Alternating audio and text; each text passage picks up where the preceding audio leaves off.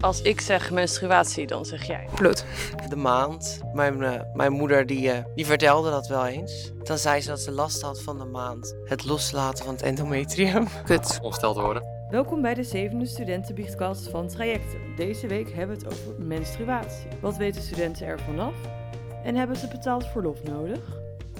En welke menstruatieklachten heb jij? Buikpijn en hoofdpijn. Wat ik wel weet van mijn moeder is dat mijn moeder zich heel erg moe voelt, uh, futteloos. Je kan natuurlijk ook uh, dysmenorrhoe hebben.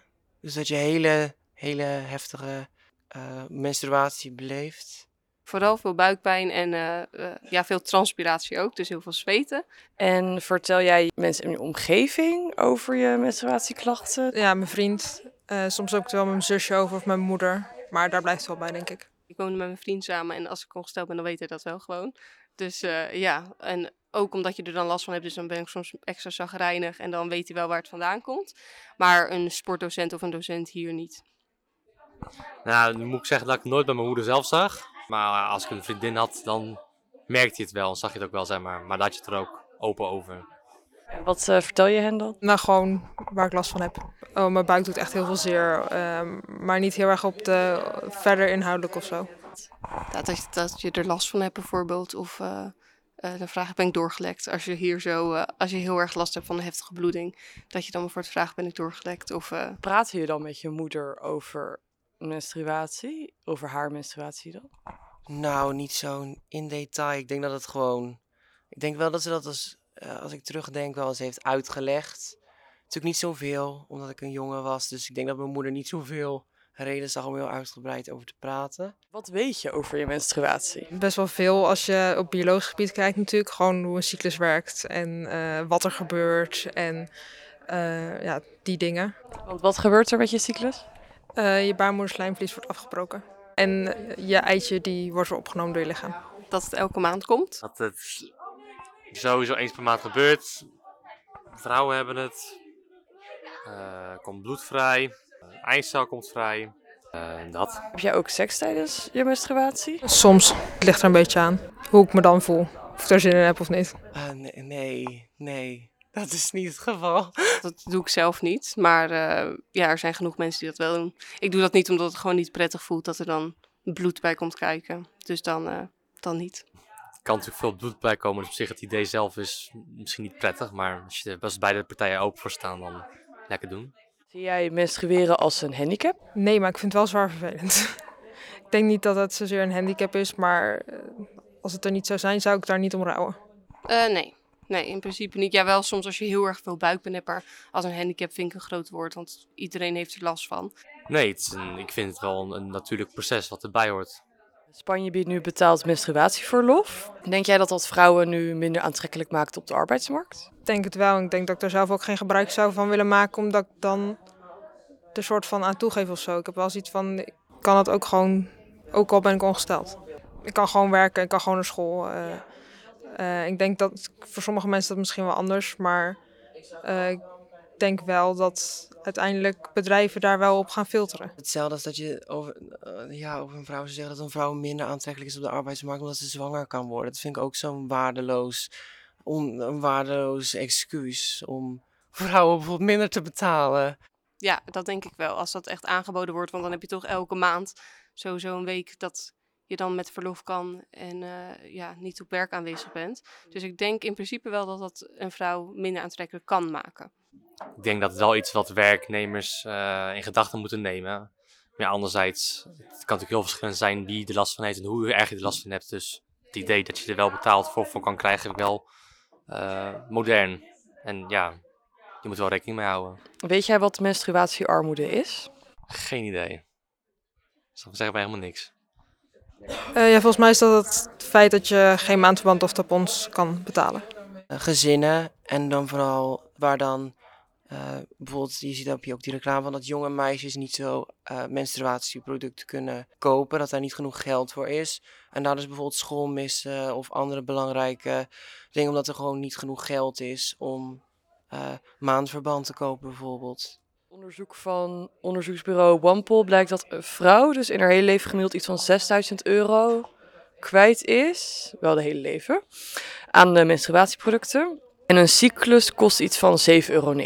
Wat vind jij hiervan, dat het dus iets van 6000 euro kost? Ik vind het ten eerste gewoon veel, want 6000 euro is aardig wat. Ik vind het voornamelijk echt dat het verschil zit in merken en zo. En dus dat er een merk is en als het ene voor jou nou werkt en het is toevallig heel erg duur, dan is dat vervelend, want dan ben je dus meer geld kwijt. En ik denk dat, dat daar voornamelijk het probleem zit. Dat het dus zo duur wordt, omdat er heel veel merken zijn die het allemaal heel duur maken. Eh, gebruik jij zelf een duur zaakjesmerk? Wat voor een, uh, producten gebruik jij? Always. Eh, vroeger nooit, nu wel. Gewoon omdat het, ik het, het fijner vind. Waarom gebruik jij maandverband en niet uh, cup of tampons of spiraaltje trouwens of zo, weet ik veel. Je hebt van alles. Uh, gewoon niet fijn gevonden. en hier gewoon mee gegaan. We betalen er ook niet voor dat, dat, dat ik moet plassen. Het is niet... Dat stel je voor dat, dat um, ik, al, ik als man Ehm, dat ik één keer in de maand, dat daar gewoon bijvoorbeeld uh, dan een hele week lang urine uitloopt op een onnodig moment. En daar zouden we iets voor nodig hebben. Dan wil je dat toch hebben zonder dat je daarvoor, dat je daarvoor moet betalen. Dat is hetzelfde als menstruatie. Het feit dat je voor iets moet betalen waar je niet om gevraagd hebt, iedere maand, vind ik nog steeds waardeloos. En het feit dat heel veel bedrijven daarvan kunnen profiteren van de menstruatiecyclus van een vrouw vind ik ook waardeloos. En het feit is ook dat er dus ook, daar is volgens mij ook een onderzoek naar geweest, dat er dus echt een groot aantal tienermeiden is dat school mist. Doordat zij geen genoeg geld hebben om menstruatieproducten te kopen. En bijvoorbeeld ook niet doen, meedoen bijvoorbeeld met bepaalde dingen zoals gym. Dat is wel echt een probleem. Ja, dat is heel veel geld natuurlijk. Vind ik hoor. Ja, uh, het hoort erbij, alleen een man heeft er natuurlijk geen last van. En, uh, dus ik vind veel geld. En ook ja, als mensen niet breed hebben, dan is dat natuurlijk niet, niet te betalen. Dus ik vind wel dat daar een soort regeling voor zou moeten komen. Uh, dat dat voor iedereen betaalbaar wordt. Welke producten gebruik jij, als ik vraag me? Obese. Ja, en maandverband als ik ga slapen. Dus het is eigenlijk allebei. Best veel, eigenlijk, als je zo over nadenkt. Als je de cijfers zo hoort. Meer dan ik eigenlijk had gedacht. Uh, het is in principe wel natuurlijk de, taak van de vrouw om dat te kopen. Maar ja, aan de andere kant kun je natuurlijk wel als, als vriend, als man zijn, er voor haar zijn en in dat opzicht ook daaraan bijdragen. Maar daar moet wel natuurlijk consensus over zijn. Dus als je samen afspreekt, dan kan een man best wel wat bijdragen erin, denk ik. Vind jij het bloed nodig om menstruatie bespreekbaar te maken? Uh, ja, dat wel. Ik merk wel dat ik er veel meer rust over heb sinds dat ik dat dus wel kan. Voor nu is het deels normaal, maar als je nog heel jong bent, is dat het niet. En dan het er dan niet over kunnen hebben, kan best wel vervelend zijn. Er is heel grote onwetendheid bij heel veel mannen. Ik denk dat heel veel mannen niet echt goed doorhebben wat menstruatie is. En ik ga, ik ga je heel eerlijk zeggen, misschien had ik dat ook niet gehad als ik geen biologie had gestudeerd. Er is natuurlijk ook heel vaak een niet eens heel erg zo grote interesse in, in het onderwerp. En tijdens onderwijs gaat het heel erg, wanneer het er al over gaat, gaat het heel erg over de wetenschappelijke feiten. En daar blijft het bij, waardoor er heel veel misconcepten zijn over menstruatie en alles wat daar omheen uh, bij hoort. Heb je een voorbeeld van die misconcepties die je in je omgeving wel eens hebt gehoord? Wat ik, wat ik pas een keer hoorde, is dat zij eigenlijk denken dat dat, zeg maar, uh, dat de klachten, zeg maar, van menstruatie, dat die altijd maar één keer ook in de maand zijn. Dus één dag, dat is het. En dat is ook dus de menstruatiecyclus. Ik ken dus ook mensen die dachten dat het allemaal gebeurt op één dag. En dus niet, eh, de, ik heb ook het idee dat de, de term dat het een cyclus is, dat mensen dat ook niet zo doorhebben.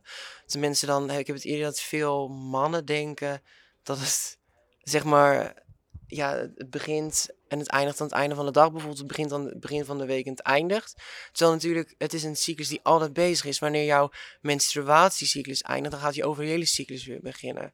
En zo gaat het vanaf begin tot eind steeds weer door. Waardoor het eigenlijk altijd is. En ik denk dat daar niet zo uh, naar wordt gekeken. Ik ben opgegroeid in een omgeving waar dat ik waarbij ik dat altijd heb kunnen bespreken met mijn ouders. Maar ook gewoon, ja, ik ben er best wel open over. Daarom dat ik er nu ook gewoon makkelijk over praat. Maar uh, ik denk dat het in sommige omgevingen wel wat meer bespreekbaar kan worden.